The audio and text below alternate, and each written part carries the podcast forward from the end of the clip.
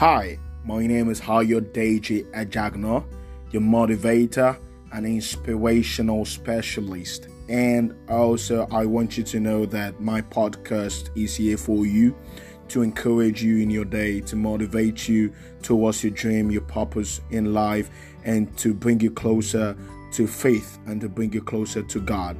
You know, this is what my podcast will be dishing out to you, and I I hope that you listen to them and it causes a transformation in your mind, in your spirit, in your soul, you know, and blesses you all and make your day fruitful and productive. Thank you so much. I appreciate you as you download my podcast and listen to the podcast. And I know definitely you will be transformed daily. And this is what gives joy.